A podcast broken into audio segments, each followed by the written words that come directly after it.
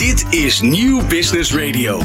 Welkom bij Topic Talks. Vandaag hebben we het over verduurzaming, het halen van de klimaatdoelen en de rol van bedrijven hierin. Het komende uur hoor je alles wat je over dit onderwerp moet en wil weten. Ik ben Anne Neeltje de Boer en ik zit hier aan tafel met drie mensen die mij alles over dit onderwerp kunnen vertellen. Van hippe start-up tot ijzersterke multinational. Iedereen praat mee. Dit is New Business Radio. Een uh, kleine introductieronde aan de hand van de stelling: we gaan de klimaatdoelen halen. Peter Kool van Intergas, welkom. Ja, hallo. Gaan we die uh, klimaatdoelen halen? Die gaan we zeker halen. Althans, in ieder geval voor de gebouwde omgeving. En dat is het uh, domein waar wij met ons bedrijf actief zijn.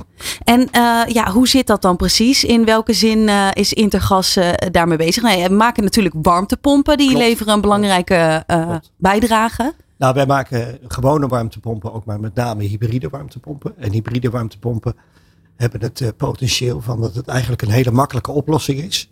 Die je heel makkelijk grootschalig kan toepassen, zonder dat je zeg maar verder iets aan de woning hoeft te doen. Merk je dat uh, uh, genoeg mensen nu daarvoor kiezen?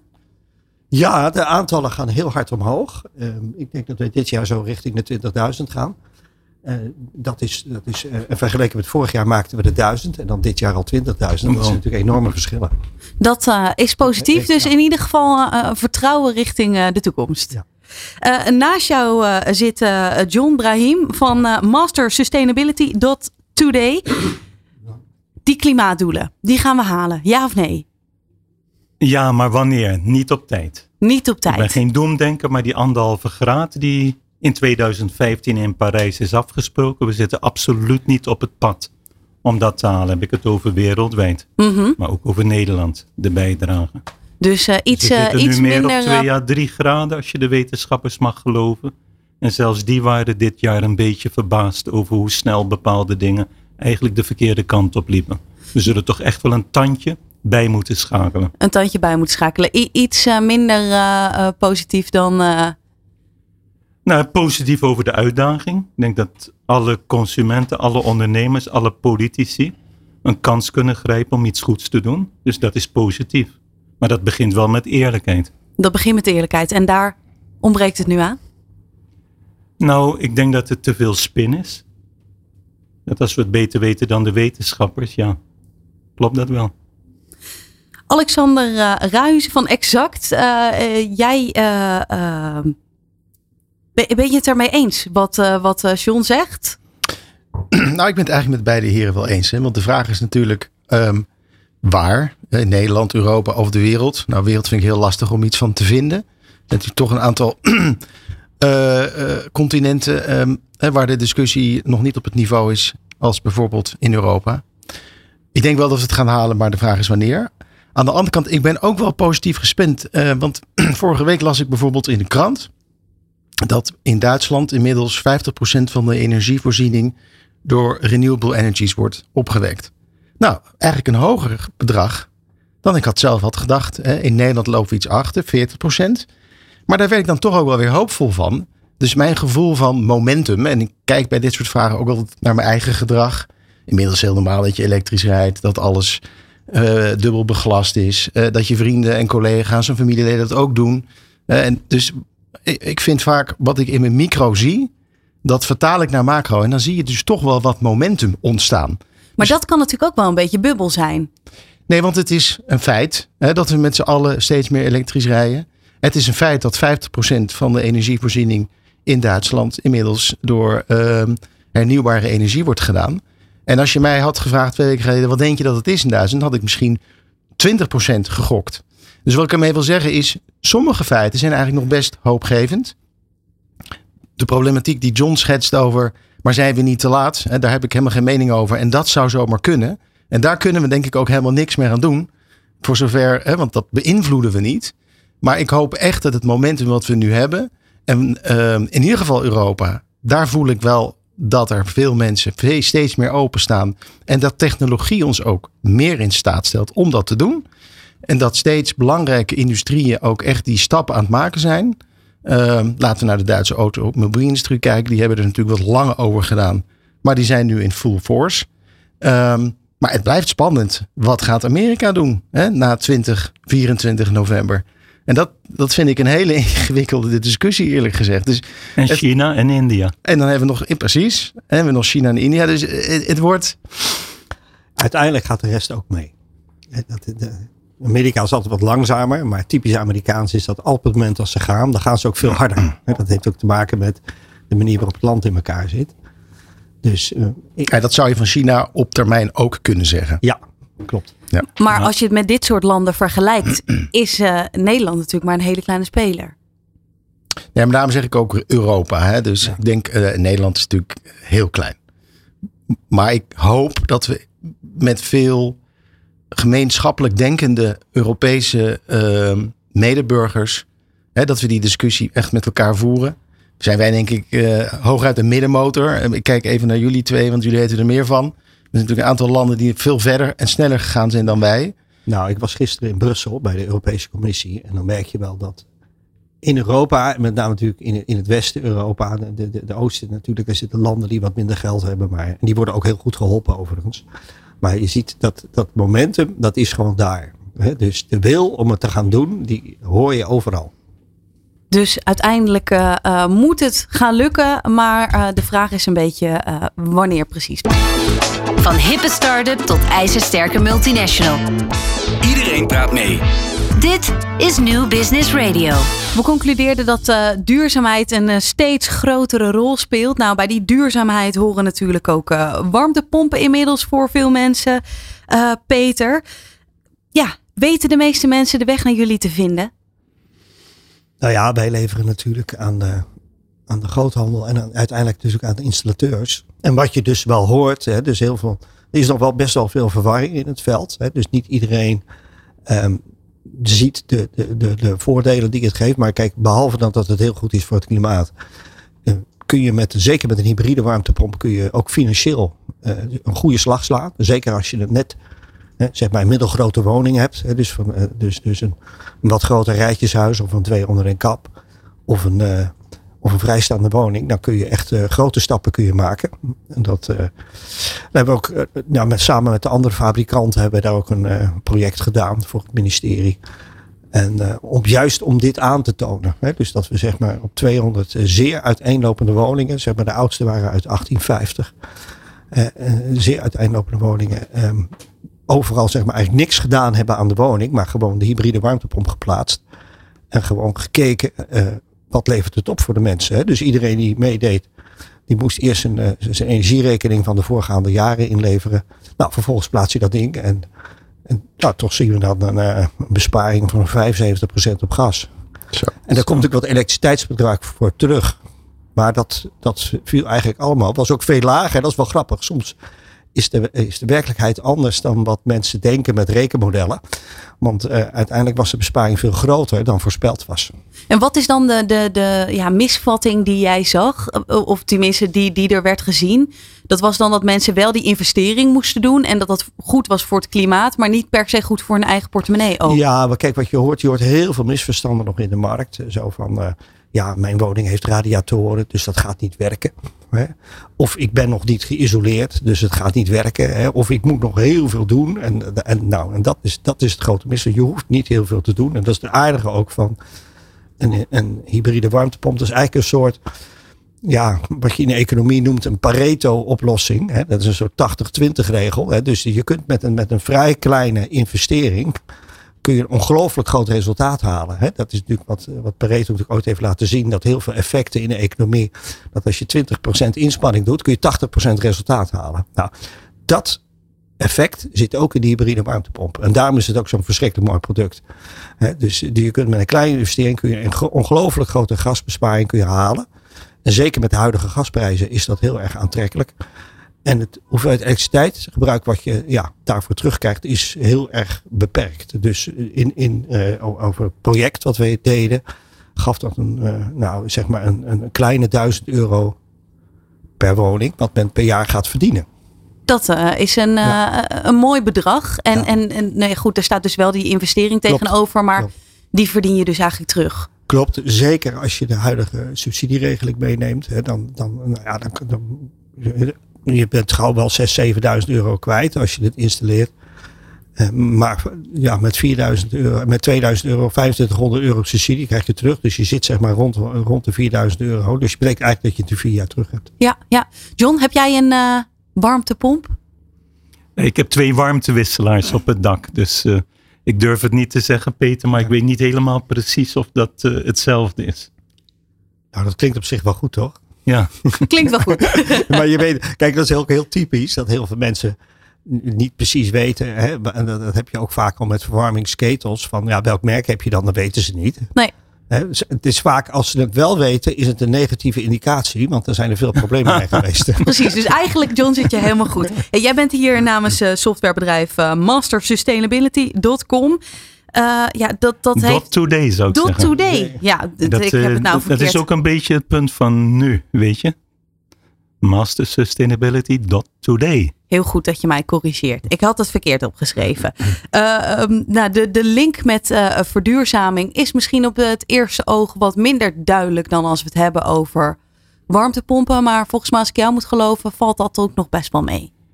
Ja, ik begrijp wel wat je zegt, Anneeltje. Dus uh, de link loopt over duurzaamheid en digitaal. Dat is een liefdespaar. Leg uit. En wat ik daarmee bedoel is, als jij duurzaamheid wil gaan doen op de manier dat de Europese Unie dat nu wil van je. Dat is dus die nieuwe regeling voor CSRD. Nou, dat zijn 104 onderwerpen waar je op compliant moet zijn. Als je dan handmatig moet gaan doen. Kan je even voor degene die niet precies weten wat dat inhoudt, in een paar zinnen uitleggen wat dat ongeveer betekent? Ja, eigenlijk heeft de Europese Unie een enorm radicale stap genomen om te zeggen dat ze alle grotere bedrijven, maar ja, dat begint al best wel met 50 miljoen omzet, dus middenbedrijven al, dat die binnen luttele jaren, sommige al dit jaar, andere het jaar daarna, dat die zich moeten gaan houden aan regelgeving die twaalf standaards omvat. En een van die standaards is klimaat. Daarvoor zitten wij nu hier ja. aan een neeltje. Maar andere standaards zijn ook ja, diversity, equality, zijn health and safety. Nou ja, een aantal bekendere onderwerpen. Maar als je die uit gaat puzzelen, die twaalf standaards, dan is dat, schrik niet, een lijst van 104 onderwerpen waar een bedrijf zich aan moet gaan houden. En dan komt de accountant langs, vroeg of laat, om te kijken van heb je niet te makkelijk geroepen dat je 30% hebt bespaard of iets dergelijks. En als jij dan zegt, ja, ik heb de warmtepomp van uh, Peter, heb ik staan. Dat zal wel iets van 30% zijn. Dan zeggen ze, kun je het ook nog gewoon even laten zien. Ja. En daarom zeggen wij met onze software, je moet dat niet handmatig gaan bijhouden, want dan zit je alleen maar te administreren. Dus eigenlijk wil je tijd besteden aan het verbeteren. Dus gebruik daar software voor. En dat is de liefdesrelatie tussen duurzaamheid en digitaal. En hoe wordt er bij jullie verduurzaamd? Ja, bij onszelf, wij zijn, wij zijn een piepklein bedrijfje, een start-up, een scale-up. Dus onze bijdrage aan de duurzaamheid is niet alleen dat ik in een klein elektrisch autootje rij, maar is vooral dat wij dus die 50.000 bedrijven in Europa, die allemaal om moeten naar die nieuwe regelgeving, dat wij die met hele makkelijke, complete software helpen om de boel bij te gaan houden en vervolgens te managen. Dus onze bijdrage is niet alleen in het eigen verbruik, net als bij Peter. Peters bijdrage zit in de warmtepomp. Onze bijdrage zit in de software die het ondernemers makkelijk maakt om dat te doen. Krijg je de mensen een beetje mee of vinden ze het heel ingewikkeld? Ze vinden het ingewikkeld, want op dit moment ja, overkomt het iedereen. Dus er zijn overal in Nederland, ik zal het even tot Nederland beperken, maar het gaat om Europa, zijn accountants aan het uitleggen wat die nieuwe standaards inhouden. En natuurlijk, ja, de Pavlov-reactie van een gemiddelde ondernemer is van jemie nee, wat hebben ze nu weer verzonnen in Europa? En als je dan 104 onderwerpen hoort, ja, dan schrik je je echt te pletter. Dan zorgt dat wel voor wat stress. Ja, dus dat is stress, maar onze software maakt dat juist weer makkelijk. En als je dat doet, ja, dan leer je eigenlijk om in je normale bedrijfsvoering duurzaamheid en klimaat gewoon mee te nemen. Dagelijks, maandelijks. In plaats van eens in het jaar te roepen dat je het allemaal goed doet. Dus uiteindelijk, het, het is veel. Het zorgt ook wel voor wat uh, zorgen her en der. Maar Absoluut. goed, uh, Ja. het wordt beter. Het wordt beter. Dat is het optimisme van Peter Ja. en Alexander en ook van mij. Ja, Er is geen twijfel over mogelijkheid. Het is formidabel wat voor inspanningen de wereld, maar ook Europa en ook Nederland doen. Alleen helaas, en dan kom ik terug op het punt, klimaat is in beweging. Het wordt droger, het wordt heter, het wordt kouder en we hebben een beperkt tijdsvenster. Dus de vraag is niet, hebben we het met z'n allen begrepen en doen we er wat aan? De vraag is, doen we er snel genoeg, genoeg aan? En dat lijkt me soms moeilijk als je het hebt bijvoorbeeld over, de, over warmtepompen. Dat is een heel concreet iets. Absoluut. Mensen zien dat meteen, die begrijpen wat er gebeurt. Het levert ook een duidelijk voordeel op, namelijk je bespaart geld in je eigen portemonnee. Nou, dat is ook een goede drijfveer om daarin mee te gaan.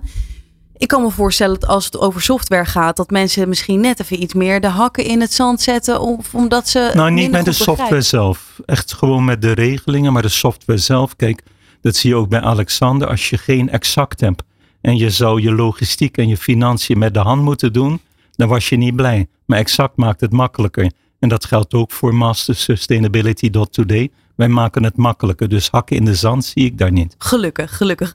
Alexander, als we het over Exact hebben, dat is natuurlijk ook een, een softwarebedrijf. Herken je de dingen die, die John zegt, of is het bij jullie toch echt wel anders? Nee, ik herken het compleet. Hè, dus CSRD, eh, inderdaad behoorlijk omvangrijke eh, wetgeving. Eigenlijk bedoeld om eh, vergelijkbare transparantie over alle bedrijven af te dwingen. Zodat je ook geen greenwashing meer hebt. En maar daadwerkelijk eh, verifieerbare verbeteringen hè, op een breed domein hebt. Ehm, ik kan me wel voorstellen dat heel veel bedrijven denken: oh jee, wat overkomt me nu? Ehm, en mijn, eh, mijn oproep zou dan ook zijn: hè, aan de ene kant denk ik dat het heel goed is dat je als bedrijf vanuit je eigen kracht nadenkt: goh, wat zijn nou onderwerpen die voor mijn bedrijf in mijn industrie heel relevant, relevant zijn? Hè? Want het standaard kent 104 onderwerpen, maar ze zijn niet per definitie alle 104 van, voor elk bedrijf van toepassing. Het hangt erg vanaf in welke industrie je zit, welke heel relevant zijn en welke minder. Ehm, dus, maar mijn oproep is altijd: denk eerst even na, wat doe ik? En wat voor impact kan ik nou hebben hè, op die drie grote pilaren? Hè, dus omgeving, eh, governance eh, en social en, en, en milieu. En dan kom je vanzelf ook bij die standaarden. En op dit moment zijn de grotere bedrijven een hele belangrijke stap aan het doen. Die doen de zogenaamde Double Materiality Assessment. Oftewel, die proberen aan de hand van stakeholderveld vast te stellen welke van die standaarden vanuit alle stakeholders zijn relevant voor mijn bedrijf in mijn industrie. Nou, dan krijg je een kleinere set. En daar moet je inderdaad heel goed op gaan rapporteren. En ik ben het helemaal eens. ehm, de ontbrekende schakel bij veel bedrijven is waar haal ik al mijn data vandaan? En de vergelijkbare ontwikkeling hebben we denk ik 100 jaar geleden ook gehad. Hè, toen was het ook wild westen als het gaat om jaarverslagen en winst. En, en werd er natuurlijk heel veel bedrogen en gelogen. En toen zijn er allerlei standaarden, die IFRS-standaard of CAP of eh, in Nederland, allerlei boekhoudstandaarden ontstaan. Met als enige doel om meer transparantie en vergelijkbaarheid te creëren. Nou, Europa heeft gezegd dat moeten we ook op dat andere onderwerp doen. Daarmee heb je veel holistischer kijk op wat nou de echte bijdrage van het bedrijf is. Ja, en ik kijk daarnaar als eigenlijk wel leuk. Hè, dus Absoluut. ingewikkeld. Absoluut. Maar er is best veel help. Ik denk ook als je het vergelijkt met twee jaar geleden. Toen accountants ook van "Oh, hoe moeten we dit nou doen? Nu met accountants praat. Twee jaar lang over nagedacht. Practices gebouwd. En die beginnen te zien. Nou, zo kunnen we het behapbaar houden. Ik denk dat het aan ons is om het behapbaar te maken. Absoluut. Net zoals dat wij dat proberen bij Exact met, ik noem het dan maar de andere software voor boekhouden, ERP, handel, alles wat John zegt. Proberen het voor de ondernemer zo makkelijk mogelijk te maken. En onze opdracht is om ook op dit gebied het voor de ondernemer zo makkelijk mogelijk te maken. Zodat je bezig bent met verduurzamen en niet met rapporteren. Jij ziet er wel echt de uitdagingen. Ja. Ik zie je, je begint Ja, ook een beetje te stralen. Ja, van dit, dit, eh, dit is wel een leuke Een uitdaging. leuke uitdaging. Ja, en daar ben ik ook eerder gezegd. Los even van eh, jouw observaties die mij ook ontzettend aan het hart gaan als je door Duitsland in de zomer rijdt en denkt, goh, waar ben ik beland? Het is helemaal bruin. Ik ben toch vooral heel enthousiast over wat ik zie gebeuren. Afgedwongen door wetgeving, support door initiatieven van John eh, eh, of door Peter. Dus ik blijf er eigenlijk wel hoopvol in zitten. Je noemde natuurlijk even die, die greenwashing in, in een bijzin eigenlijk. Ik vind dat best wel lastig. Ik heb er niet zoveel verstand van als jullie drie. Ehm, maar ik zie dan soms door de bomen het bos niet meer. De- deze nieuwe wetgeving, moet dat ervoor zorgen dat, dat daar dan ook korte metten mee wordt gemaakt? Dat gaat denk ik vanzelf. Hè. Het is wat eh, Alexander beschrijft, is natuurlijk eigenlijk de kern van ondernemen. Hè. Degene die de mooiste oplossingen bouwen. hè. Die En komen bovendrijven. Die komen bovendrijven en die winnen. En dat is ook, dat is ook mooi van het systeem. Hè. Dus, en, ja, en het betekent die greenwashing, die wordt dus bestreden door A, die standaards. Hè. Dus de, dat is duidelijk, want die standaards die zijn er niet. En die zijn er voor boekhouding wel, maar die komen er nu ook op allerlei andere gebieden. En dat, dat is zeg goed. Maar, Dat is ja, dat is goed. goed. Dat is eigenlijk een soort van wetgeving die zegt van nou, wat is, wat is wel goed en wat is niet goed en hoe moet je het bepalen. Nou, en degene die dan het slimste weet om te gaan met die standaards hè, in zijn producten, in zijn dienstverlening, ja, die gaat de markt winnen. Het is eigenlijk een manier om de geweldige energie die ik bij Alexander en Peter ook proef, bij ondernemers te kanaliseren naar de echte doelen. En dat is het positieve. Maar inderdaad, zoals eh, Alexander zegt, dan moeten we wel voorkomen dat ondernemers te veel tijd kwijt, kwijt zijn met het louter administreren, want dat is niet de essentie. Van hippe start-up tot ijzersterke multinational. Iedereen praat mee. Dit is New Business Radio. Het is duidelijk dat jullie eh, alle drie heel veel vuur hebben en, en eh, ja, energie om eh, de goede dingen te gaan doen. Maar Peter, welke rol hebben bedrijven hierin? Of ligt het toch uiteindelijk meer bij de overheid, bij het Rijk, om die klimaatdoelen te gaan halen, om daar positieve veranderingen Nee, dat, te brengen. dat vind ik een beetje raar om te zeggen. Kijk, in de overheid zijn natuurlijk in wezen, zijn wij dat allemaal samen. Hè? En we hebben natuurlijk een groep mensen die we eens in de zoveel jaar, waar we nou ook nog een beetje in kiezen. Waar we zeggen van joh, eh, jullie, moeten, hè, jullie moeten zorgen dat de hele infrastructuur en ons land en alles wat er omheen is op orde blijft. En verbetert en zich aanpast aan de tijd, dan wat nu gebeurt. Aan de andere kant, als je het over die, die klimaat en die circulariteit hebt, dat is natuurlijk, en zo zie ik dat ook om me heen, dat is natuurlijk iets wat ons allemaal aangaat. John, ik en zie zo jou, wordt het eh, ook beleefd, zie ik in het land. Als je rondkijkt, niet bij iedereen, maar bij, bij een steeds groter gro- eh, wordende groep wel. John, ik zag jou knikken. Ja, de grap is dat alle drie hebben een rol te spelen. Ik zeg alle drie. De consument. Ja. En eh, de producent en de overheid. Nou, wat er nu met CSRD gebeurt, die regeling, is goed. Want daar pakt de overheid zijn rol. En die zegt, ik geef jullie aan welke kant je voor de maatschappij op moet gaan. En als je dat doet, dan geef ik jou weer de ondernemingsruimte om die kant op te werken. En dan kan je gaan zitten twisten. Waar is de consument en waar is de producent belangrijker? Nou, als wij de mooie dozen van Peter kopen als consument, dan zijn we goed bezig. Maar hij moet het ons wel mogelijk maken. En dat doe je door te komen met een goed product. En het moet uiteindelijk ook betaalbaar zijn. Gek genoeg komt de overheid daar ook weer om de hoek kijken via bijvoorbeeld subsidieregelingen. Maar niet te lang en niet te veel. Want uiteindelijk is dat marktverstorend. Dus wat je uiteindelijk mijn droom zou zijn, dan ga ik iets heel ingewikkeld zeggen, dat de overheid CO2, want we praten nu over klimaat en vereng dat maar even tot CO2 uitstoot, dat we die op de een of andere manier financieel maken. Als we CO2 financieel zouden kunnen maken, dan weten alle ondernemers en consumenten gewoon weer vanuit de vrije markt wat ze moeten doen. Peter, jij wil er volgens mij heel ja, ik inhaken. wil even reageren. Met, kijk, ik vind het, wat Alexander er straks zei, en dat, nou ja, dat is natuurlijk, die overheid heeft met name de rol in de vorm van scheidsrechter. Hè? Dus die, als, die zorgt dat op alle, al deze gebieden hè, er, er goede standaards zijn en, een- en een goede ehm, transparante systemen van hoe je dingen beoordeelt. Dat is waar het om gaat. Dat is natuurlijk nu ook gebeurd met die CSRD. Hè? Zo is het. Ja. En dat, dat zie je dus op alle kanten. Daar, daar is ook de behoefte aan dat er duidelijkheid is. Duidelijkheid Ja, en dat die duidelijkheid op een, op een goede manier ook natuurlijk, ja.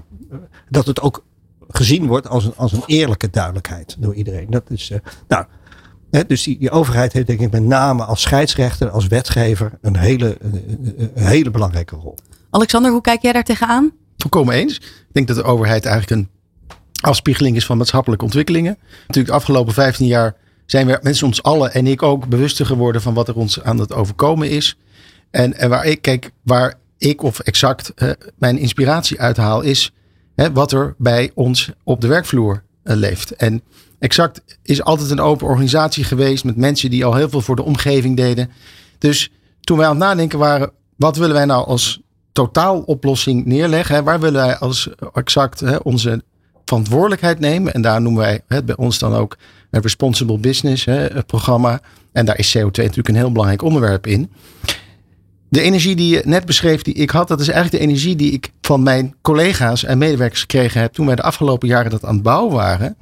En dat mensen ook zagen wat wij concreet deden. Want een fluffy term in de krant, dat spreekt mensen niet aan. Maar concrete activiteiten en doelstellingen en acties die je onderneemt en die je bijvoorbeeld in podcast, hè, of wij doen het dan via uh, Teams meetings met elkaar kunnen delen, dan begrijpen mensen ook, ah, nu weet ik ook waar, hoe wij een bijdrage kunnen gaan leveren. En in mijn beleving, hoe concreter wij als onder, hè, ondernemingen hè, of de overheid kan aangeven hoe je iets kunt verbeteren en welke verbeteringen, uh, doelstelling dat realiseert, hoe eerder je bij mensen en collega's of consumenten of uh, de maatschappij dat die link kan maken, wat kan ik eraan doen? en het voorbeeld wat jij gaf over die warmtepomp, er worden natuurlijk ook heel veel artikelen gelezen. Het hartstikke duur geworden en is helemaal niet beter geworden. En denkt iedereen, nou wat een, hè, wat een greenwashing. Mhm. Maar als de feiten eigenlijk heel anders zijn en je meet het. Hè, en dat hebben wij exact ook gedaan. We hebben gekeken hoeveel CO2 meten we, hadden we nou in 2019. En wat waren nou eigenlijk de grootste vervuilers? Bijvoorbeeld vliegen hè, of naar kantoor of de datacenters die we hadden. Wat kunnen we er nou aan doen? En door uh, op al die onderwerpen die je meet en waar je weet wat is mijn uitstoot. En dat je dan gaat nadenken hoe kan ik dat verkleinen. Dan ontstaat er een bewustzijn hoe je invloed kan hebben. Die ik eerlijk gezegd tien jaar geleden helemaal niet had. En tien jaar geleden wisten denk ik heel veel mensen exact wel wat de omzet en de winst was. Maar tien jaar geleden wisten mensen exact niet wat is mijn CO2 uitstoot. Wist niemand. Dus daar ging je ook niet op sturen. En nu, en een ander voorbeeld, hè, gas heel erg duur. Nou, ik weet niet zeker of drie, vier jaar geleden je met je vrienden of familie thuis sprak over je gasrekening. En hoe... Ik deed dat in ieder geval niet. Nee, maar het grappige is, twee jaar geleden, prijsexplosie. Iedereen wist uit zijn hoofd hoeveel kubieke gas, hoeveel energie, wat hij betaalde. dus het marktmechanisme, wat John beschrijft, heeft ongelooflijk geholpen. In ieder geval bij Nederlandse mindsets.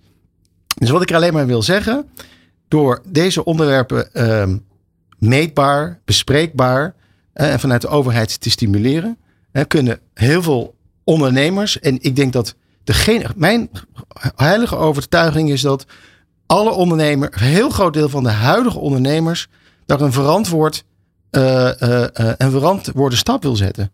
En niet over 20, 30 jaar door de volgende generatie worden aangekeken. Wat hebben jullie gedaan? Of wat hebben jullie vooral niet gedaan? En dat is denk ik de drijfveer voor heel veel mensen op dit moment om die stappen te zetten. Dat is ook een van de grote veranderingen van deze tijd. Dat die importantie van meten en data, je ziet dat dat neemt alsmaar toe. Dat is ook een soort, vind ik ook een soort strijd. Hè? Er is natuurlijk een soort onderbuikgevoelenswereld en een soort simpele modellenwereld. En dat zit soms ook wel een beetje in, in regeltjes. En dat, mhm. dat moeten we eigenlijk afscheid van nemen. Ja. Het moet eigenlijk allemaal volgens, uh, uh, eigenlijk volgens de natuurkunde. Het, het moet gewoon uh, een goede relatie hebben met de werkelijkheid en met de doelen die je wil bereiken. Ik begon met de vraag: uh, ligt het bij de bedrijven de verantwoordelijkheid of bij het Rijk? Maar John, uh, welke, ja, in hoeverre ligt de verantwoordelijkheid misschien gewoon bij de burger, bij de consument? Nou, uiteindelijk ligt het evenzeer bij de burger. ik ben er ook van overtuigd dat als het de burger mogelijk wordt gemaakt, en dat is ook het optimisme van Alexander, bedrijven willen niet kwaad en consumenten willen niet kwaad. Als ik voor hetzelfde geld een schoon product kan kopen, is dat beter. En als we ons ervan bewust zijn dat bepaalde producten niet goed zijn. Kijk, tien jaar geleden kocht ik een pan en wilde ik vooral een glad laagje op de pan. Tegenwoordig weet ik wel beter Mhm. en denk ik van nee, dat glad laagje is niet goed. Dus ik zit nu te kijken op de doos van wat voor laagje zit er op die pan. En zo zijn er natuurlijk heel veel mensen. En dat zijn echt niet alleen maar de puristen en de fanaten. We worden allemaal een beetje ja, Greta Thunberg. We hebben niet meer Greta's nodig. We moeten allemaal een beetje meer als Greta worden. En uh, er is natuurlijk veel interesse voor. Die interesse is ook toegenomen.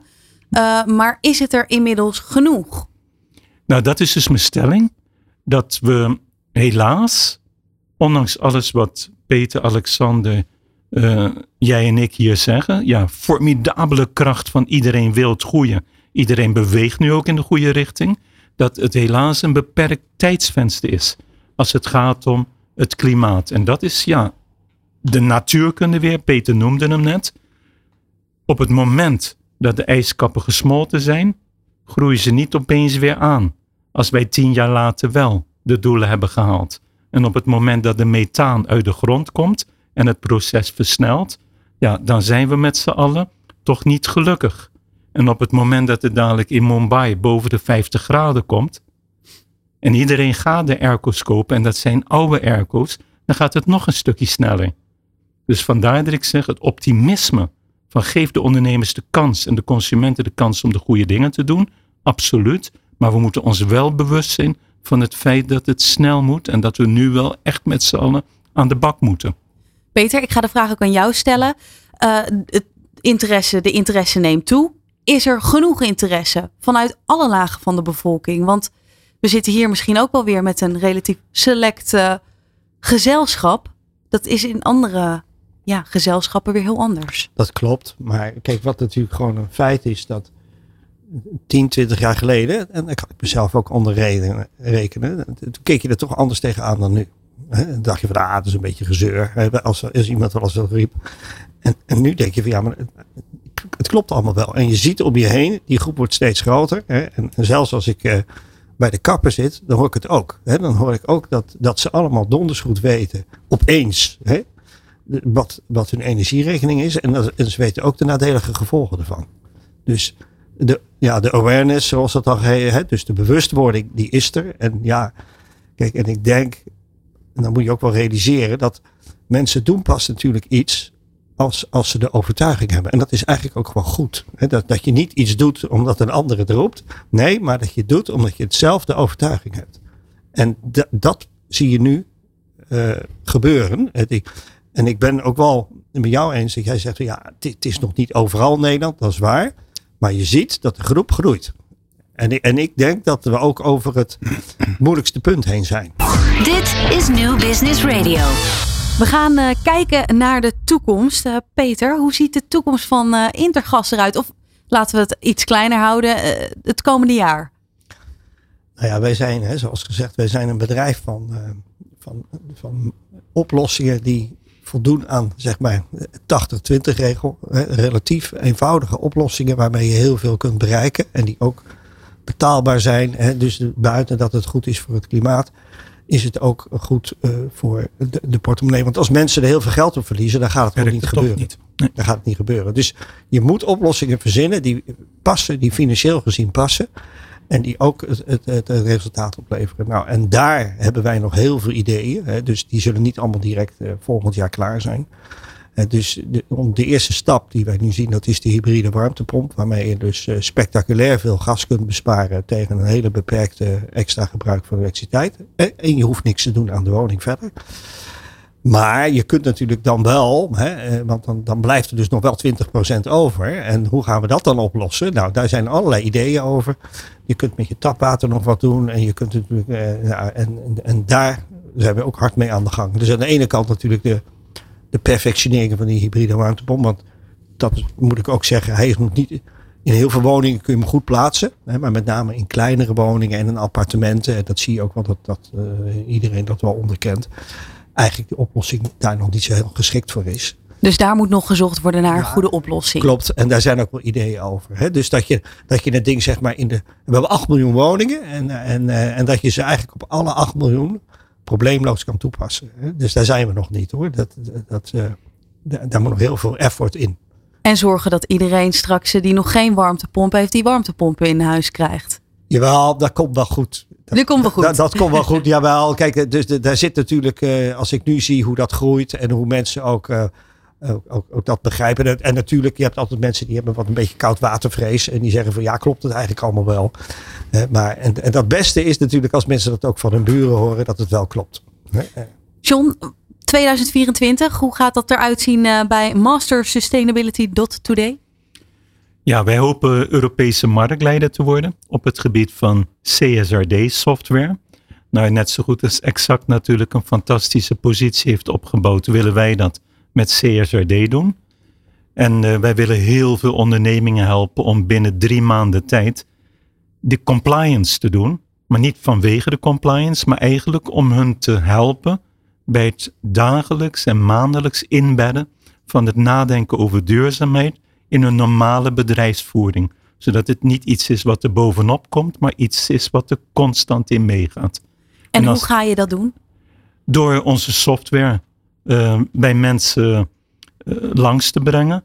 En niet alleen maar de softwareoplossing, maar ook meteen met workshops en dergelijke iedereen te leren hoe ze in die mooie elektrische auto kunnen stappen en wegrijden. Zijn die workshops daarvoor een, uh, een vereiste? Nou, weet je, dus um, ik geloof niet in klassieke consulting, waarbij mensen enorm lang bezig zijn met PowerPoints en interviews en workshops. Ik geloof erin dat je van meet aan digitaal moet gaan. Dus je begint na te denken over je doelen.